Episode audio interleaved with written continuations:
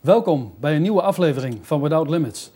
Bij mij aan tafel zit weer Jacob Keegstra. We gaan weer verder met de studie over de profetische feesten.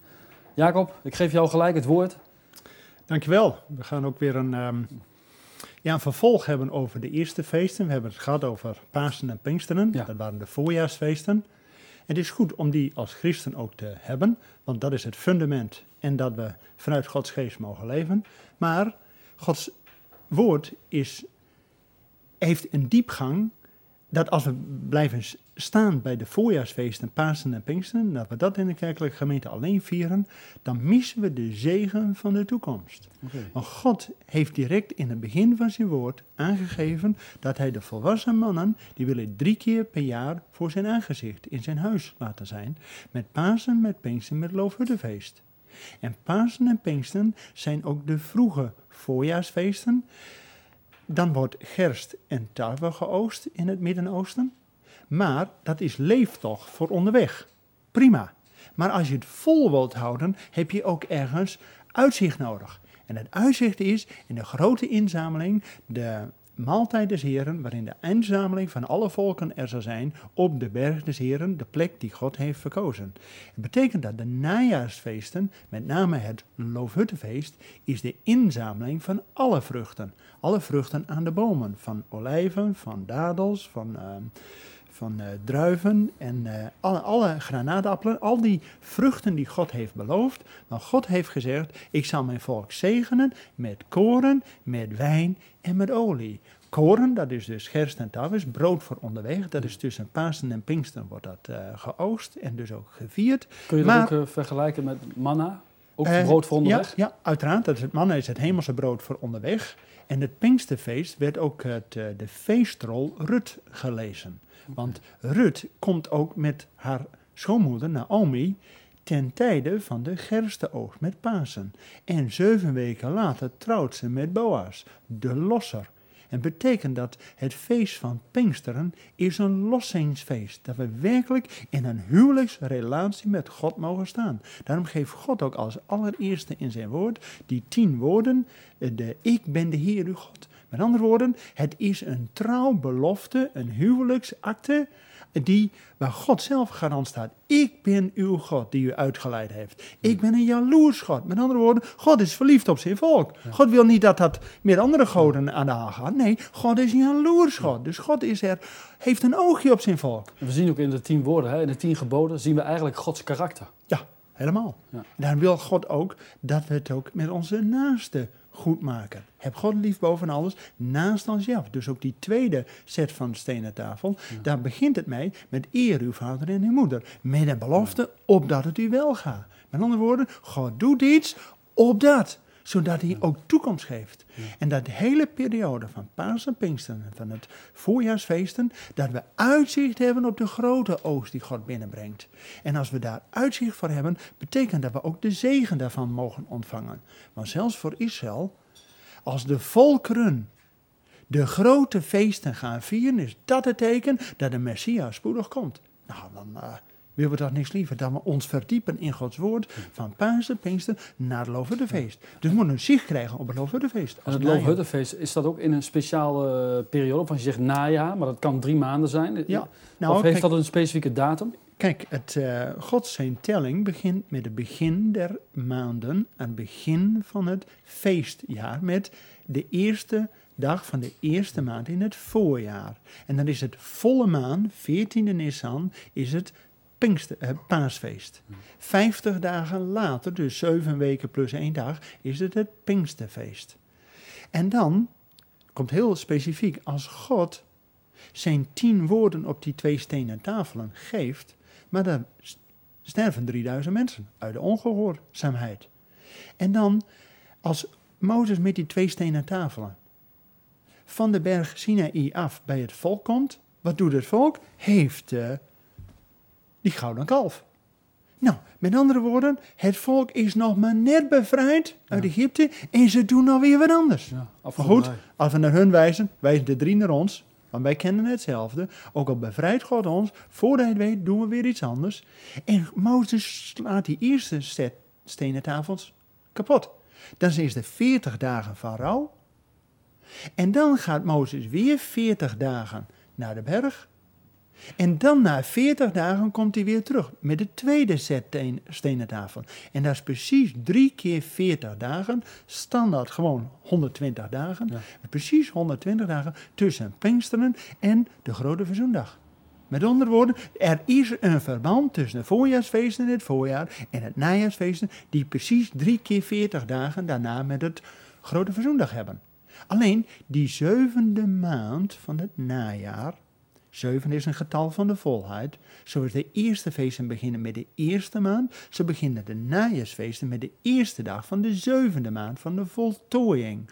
En die eerste dag betekent ook dag der bezuinen dat de bezuin geschald wordt van, oh, er staat weer aan te komen. Want het is een bezuin, ook wel een shofar. En een shofar wordt in de Bijbel genoemd wanneer Abraham zijn zoon Isaac moet offeren. En dan komt er een ram ten offer. En als je een ram offert, heb je zelfs twee shofars. En een shofar betekent, als je daarop blaast, dat je God doet herinneren aan zijn belofte. Ik zal mij een lam ten brandoffer geven. Nou, dat heeft hij gegeven in zijn zoon. Dat is met Pasen gevierd. Alleen, als we de bezuin ook op de zevende maand gaan uh, blazen, betekent dat dat het profetische vergezicht is, alles wat in de openbaring komt. Iedere keer als we ook het Bijbelboek openbaring lezen, begint het met dat de bezuin van God gaat schallen. Hmm. En dan, mensen, er gebeurt wat. Met andere woorden, wees waakzaam. Oftewel, als God zijn bezuin doet schallen, betekent, oh, er komt wat in beweging in de geestelijke wereld. Maar dat betekent ook, het is vanaf de dag der bezuinen tien dagen van inkeer. Tien dagen om tot die grote verzoening in te gaan. Met andere woorden, en dat zien we later ook in het Nieuwe Testament, ook in de allerlaatste Bijbelboek, Openbaring, als het feest der bezuinen met die uh, bezuin, met de shofar begint, dan is het een dag van, oh, nou gaat God spreken. Dus, met andere woorden, kom tot berouw, tot inkeer. En dan op die grote verzoendag betekent, dat je het wel moet maken met God en met je naaste. En die schriftlezingen die dan gelezen worden met die grote verzoendag, dat is uit Leviticus 16 tot 18, dat gaat over de zoening tussen jou en je naaste. En vervolgens Leviticus 19 en 20 gaat over dat is jou en God. En precies in het centrum daarvan, daar staat het bekende woord, wat Jezus later natuurlijk ook aanhaalt. Heb je naaste lief als jezelf, want ik ben de Heer. Dat staat precies in het centrum van Gods Dat zijn we wel heel vaak tegengekomen in deze serie. Hè? Er zijn wel een aantal keer, ja, want dat is precies het centrum waar het ook om draait. En dat wordt dus iedere keer herhaald, ook op die grote dag van verzoening. Alleen als je dan de Bijbel leest, dat God die grote verzoendag heeft ingesteld met name om al die zonden die het volk in onwetendheid heeft bedreven, om die op te ruimen. Want als je bewust gezondigd hebt, moet je daar niet een jaar mee wachten tot de volgende grote verzoendag. Nee, moet je gewoon direct opruimen. Ja, Want anders mis je een jaar lang de zegen. Ja. Maar er zijn ook zonden en dingen die je denkt, ach, ach, is dat allemaal zo moeilijk? En later gaat de Heilige Geest toch bij jou aan het werk. Je zegt, nee, broeder, dat was toch niet goed? Nou, al die zonden die soms ook in onwetendheid bedreven, dat ik soms iets tegen je zeg. denk nou, ik heb het populair uh, bedacht, maar jij vat het misschien heel anders op. Jij laat het denken, denk, nou, nou, nou, ik weet niet wat dat allemaal uh, was. Maar juist die zonden die in onwetendheid bedreven, daar is in Israël, die grote dag van verzoening, dat ook dat wordt weggedaan. En dan wat er in het oude verbond, waren er dus die twee bokken, die werden bij de tempel gebracht. één voor de Heer en één voor Azazel. Dat wil zeggen, die werd naar de woestijn gebracht. En daar werden al die zonden opgeladen. En in ieder geval, die bok die mocht nooit weer terugkomen. Want God doet onze zonden weg. En hij gaat er niet weer in graven dat ze weer naar voren komen. En die andere bok, die werd als een geschenk, als een offer God aangeboden. En heel frappant, als je dan de Joodse traditie leest van de Talmud, dat is dus zeg maar hun commentaar op het Oude Testament. Er staat vier specifieke tekenen die vanaf het jaar 30 bij die tempel gebeuren. Nou, wij weten allemaal wat in het jaar 30 gebeurde. Want dat zijn 40 jaar voordat die tempel uiteindelijk in het jaar 70 vernietigd werd. Maar 40 jaar lang, dus de laatste 40 jaar dat die tempel functioneerde, waren er vier tekenen. Dat is heel frappant. is allemaal opgeschreven in de Talmud, Joma hoofdstuk 8, voor de mensen die het willen nalezen. Dat die menorah, die zevenarmige kandelaar, die mocht nooit uitgaan, want er was een eeuwigdurend licht voor de Heer. En iedere ochtend was dat westelijke lampje van die zevenarmige kandelaar was uitgegaan. Dat is toch heel frappant. Teken 1. De tweede Maar was was, dat toeval of... eh, laten we doorgaan. De eerste kan misschien. De eerste, dan denk je, nou, het kan toeval zijn. Ja. Maar als dat 40 jaar iedere dag is. Ja. En de Levieten kregen expliciet opdracht om te zorgen dat het licht nooit uitging.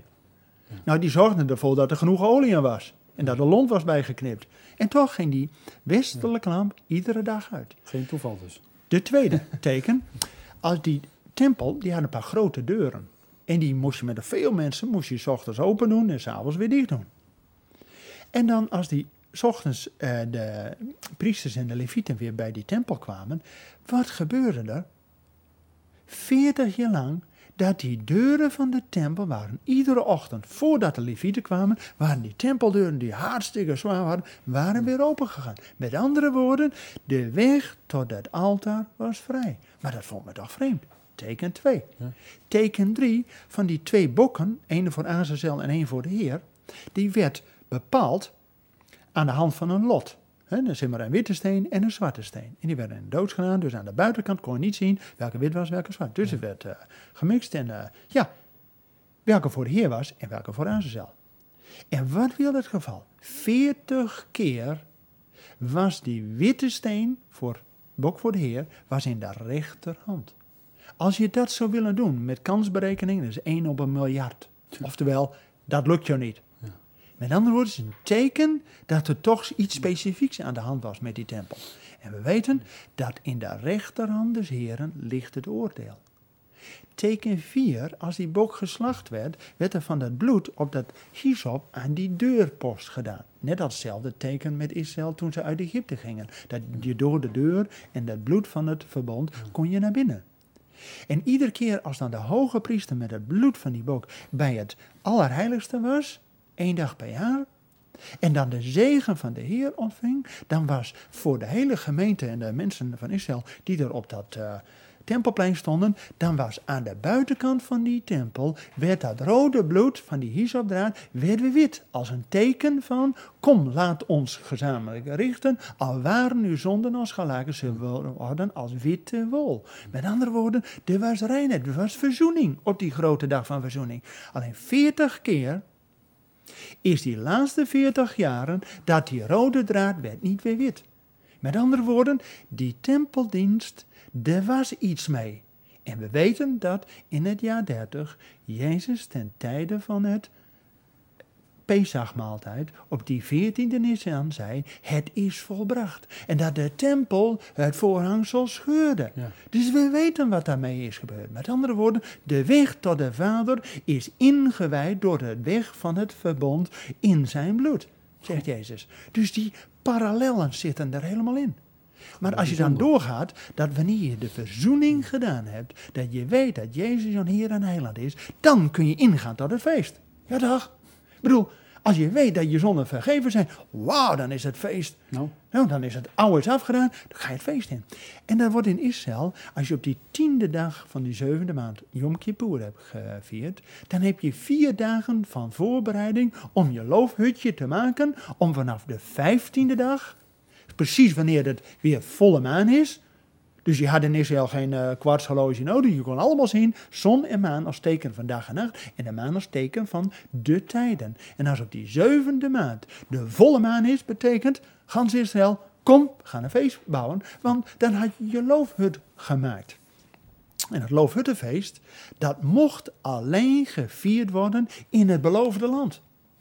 Want Pasen en Pinksteren werd nog Pasen met de uittocht. Pinksteren werd in de woestijn gevierd. Alleen het Loofhuttenfeest werd gevierd in het beloofde land. Dus wanneer Israël in het beloofde land was en dus weer in huizen woonde, niet meer in tenten, maar in huizen, dan moest men zeven dagen van het jaar bewust weer in een tentje gaan wonen, in een loofhutje. Om te herdenken dat God jou 40 jaar in de woestijn, in die loofhutten en in die tenten toch geleid heeft. Het manna voor onderweg gegeven heeft, ook al ben je in het beloofde land. Met andere woorden, die feesten is iedere keer weer, ook al ben je in het beloofde land, je herdenkt van wat er gebeurd is en je viert het nu met uitzicht op dat Jezus, de Messias, de gastheer in de nieuwe loofhut zal zijn. Want openbaring 22 zegt dat God zal tabernakelen onder zijn volk. En in het Engels heet het loofhuttenfeest ook Feast of Tabernacles. Dus het loofhuttenfeest gaat God met ons vieren. Nou, vandaar dat we natuurlijk zicht moeten krijgen op het loofhuttenfeest. Als ik jou dat hele verhaal hè, zo hoor vertellen, ja. Ja. ik sta helemaal perplex eh, van, van hoe je dat allemaal zo vertelt. Echt geweldig. Maar dan komt het getal 40 wel heel vaak voor. Ja. Eh, Heeft dat, is dat een bijzondere reden? Ja. Ja, eh, 40 dagen dat ehm, Noach in de ark zat en het water eh, boven kwam. Eh 40 dagen dat Mozes op de berg was. Ehm, de 40 jaren dat Israël vaak eh, ja, onder vreemde goden zat. En dan weer een verlossing had. Dus 40 is ook in het Hebreeuws het eerste letter die gesloten is. De slotmem. En dat betekent dat er dus ook een afgeronde periode mee bedoeld wordt. Met andere woorden, 7 is het getal van een volheid en 40 is ook een periode. Dus dat Mozes 40 dagen op de berg was, 40 dagen en weer 40 dagen op de berg, betekent ook eh, niet alleen die drie keer 40 dagen tussen Pinksteren en, eh, Yom Kippur, maar ook Mozes zelf etaleerde dat, dat hij was 40 jaar eerst bij de farao in het oude leven, had het goed, toen was hij 40 da- jaar dat hij gewoon schaapsherder was bij zijn schoonvader. Moest hij dus leren schapen te hoeden. En dan pas werd hij de zachtmoedigste mens ter wereld genoemd. En dan pas werd hij in het, ja, de bediening van God geplaatst. Dat hij 40 jaar de kudde van God mocht wijden. Ja. Dus 40, dat heeft heel duidelijk een, een periode. ja, want David regeerde ook 40 jaar. Salomo Ja. regeerde 40 jaar. Ja, ja. Maar als we dat doortrekken naar deze tijd, dan is 2007 moet ook een bijzonder jaar zijn. Want het is 40 jaar dat hè, Israël weer in staat is. Ja. En eh het Nou, zou maar zo kunnen zijn, dus na 40 jaar, dus na 2007, dat Nou, er een wisseling van de wacht komt. Ja, met name dat Jeruzalem 40 jaar onder Israëlische handen is. Ja. En Jeruzalem is natuurlijk de stad waarin God zal voorzien in vrede. Dus 40 is ook wel een hele kenmerkende Ja. ja. periode. Dus ja, eh, we moeten Gods woord lezen om bij de tijd te zijn, om te weten hoe het volgende hoofdstuk in Gods heilsplan Ja. open gaat. Bijzonder, hè? Ja, en daarom is het goed om in ieder geval ook die feesten te kennen. Want met het grote verzoendag, dat die hoge priester in het allerheiligste was, waren de veertig handelingen die hij moest doen. Hm. Ook weer veertig. Ja. En waarbij tien keer de naam des Heren genoemd werd. En iedere keer als de naam des Heren in de tempel genoemd werd, dan ging het volk aan de buitenkant van de tempel, op het plein, ging op hun knieën. Met andere woorden, wanneer de naam des Heren genoemd wordt, dan was er ontzag. En veel kerken beginnen ook met uit te spreken de belijdenis, onze hulp en onze verwachting is in de naam des Heren. En je kent vast ook die tekst uit Nehemia 8 vers 11. De naam des Heren is een sterke toren. De naam des Heren is onze toevlucht. Ja. Met andere woorden, Dat zingen we ook, hè? dat zingen De we ook iedere keer. de Heer. Ja. Ja. Ja. Dus ehm, juist ook in de feesten, wanneer het om de naam van God gaat, is het wel dat we dat met respect, met heiligheid doen. Want het is wel een heilige God, die ook door zijn heilige geest in ons hart aan wil geven dat wij met heilige dingen bezig zijn. En daarvoor zijn de feesten gegeven om steeds dichter bij de troon van God te komen. Want Pasen is het feest van de zoon. Dat was nog op die voorhof, waarin dat altaar stond. Dat is het werk van de zoon. Maar daarna zie je dat het werk van de geest nodig is, die ons dagelijks reinigt door het waterbad met het woord en met de vernieuwing van de Heilige Geest. Titus 3, vers 5. En dat staat ook nog steeds op die voorhof met dat wasvat waarin de priesters iedere keer hun handen en hun voeten reinigden en dan pas naar binnen konden.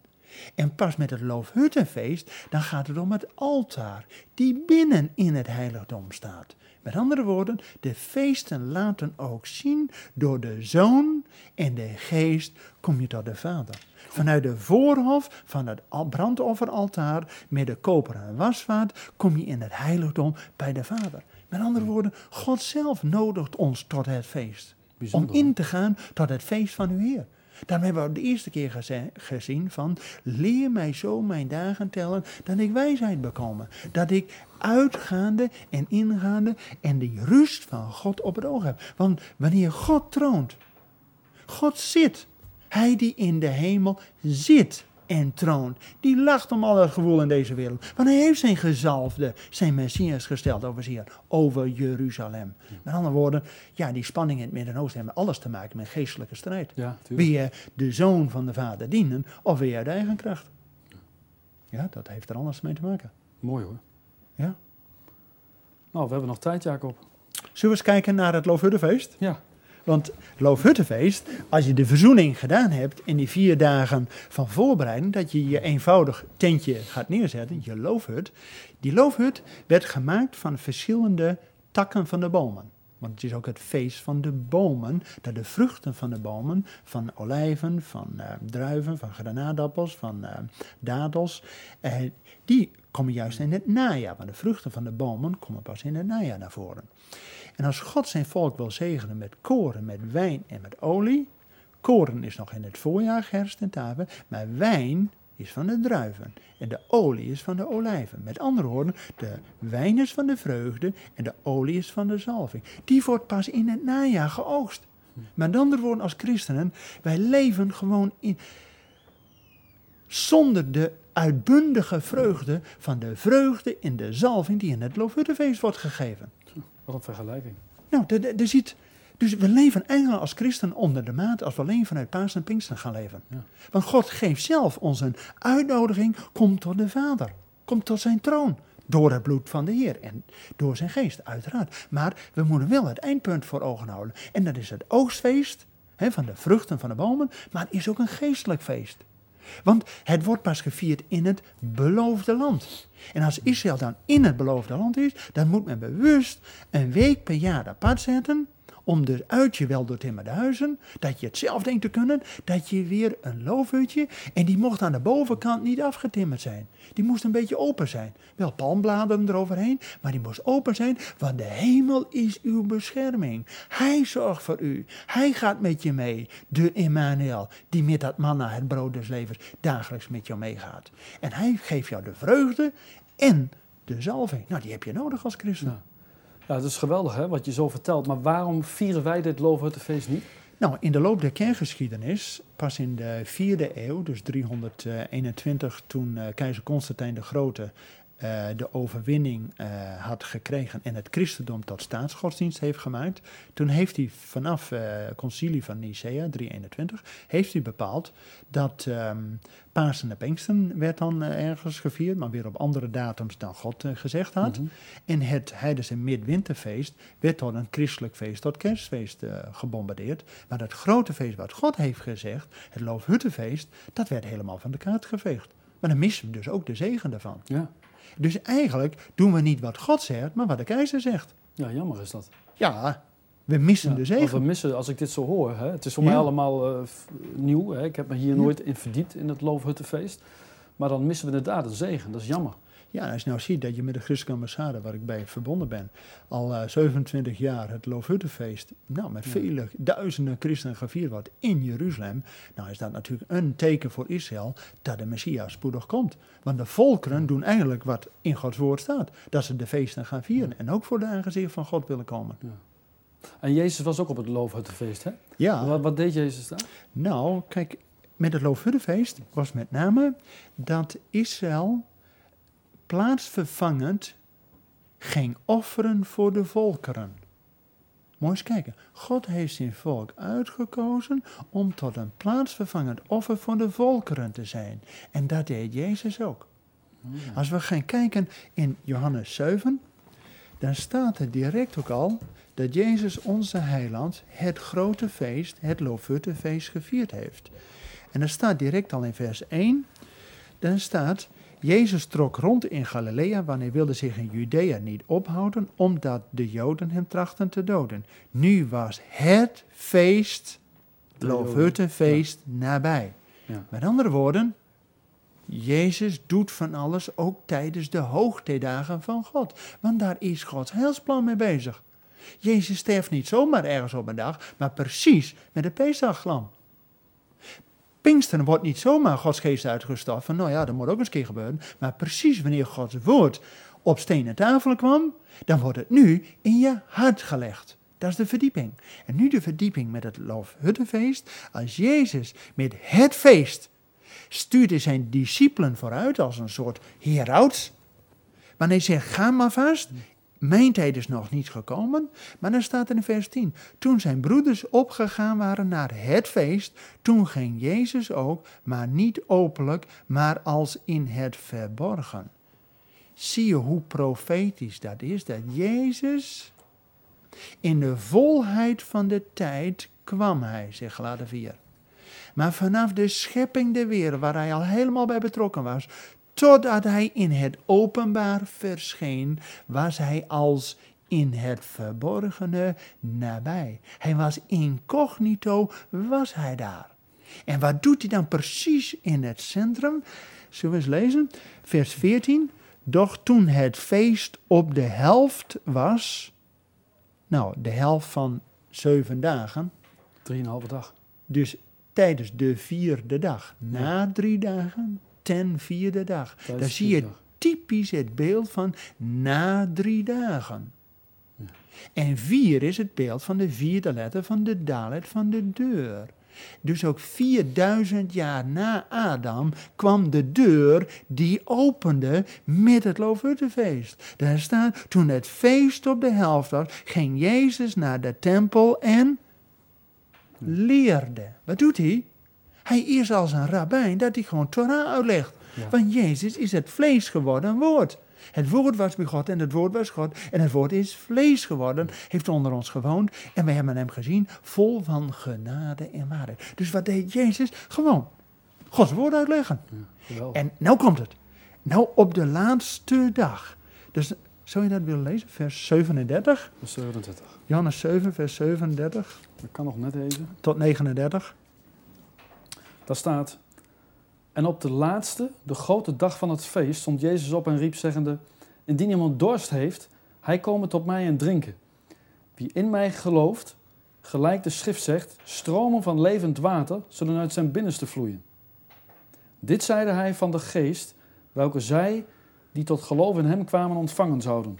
Want de geest was er nog niet, omdat Jezus nog niet verheerlijkt was. Ja. Dus op de laatste dag van het grote feest, dus eigenlijk de grote slotdag, die wordt in Israël ook Hoshana Rabbah genoemd, waarin Israël tot zeven keer toe op dat zevende feest het laatste water wat nog nou, na die droge zomer nog ergens diep in die put is, gaan ze naar het badwater van Siloam. En Siloam betekent gezondene. Daar gaat de priester met een gouden kruik naartoe. Goud, hè, dus geen namaak bij de heer, maar eh, hè, mag waarde hebben. En dan gaat tot, ja, tot de diepte van de aarde. Want dat is het laatste restwater wat nog in die eh, eh, badwater van Siloam is. Put het laatste water op en dan wordt tot zeven keer toe voor het altaar van de Heer uitgeplinkt. Als een gebed om regen. En daar bidt men op die slotdag, och Heer geef heil, och Heer geef regen, och Heer geef voorspoed, Hoshana Rabbah. En op dat moment gaat Jezus niet meer zitten, maar gaat hij staan en zegt, wie nou dorst heeft, kom tot mij, de bron van levend water. En de bron van levend water zal uit uw binnenste gaan. Want Gods geest zal in jouw binnenste werken, zodat wanneer de mond er vol van is, waar het hart vol van is, zal de mond van overstromen. En dan zegt Jezus, profiterende van die andere trooster die bij ons zal zijn. Ah, geweldig hè? Jacob, Geweldig vind ik dat. echt, eh, ja, ik, ik kan me voorstellen dat je zo enthousiast Ja. wordt. Eh, ja, het is weer heel bijzonder wat je hebt verteld. Ik, ja. Ja. ik ben er stil van. Dit, is, eh, dit moet je denk ik een paar keer horen en je er echt in verdiepen om Ja. het ook allemaal goed te begrijpen. nou, je kunt het nalezen. Maar goed, we kunnen het nalezen in je boek wat je hebt geschreven. Ja. Gods profetische feesten. Dat is verkrijgbaar via jullie website. Ja. En dat is? ej.nl.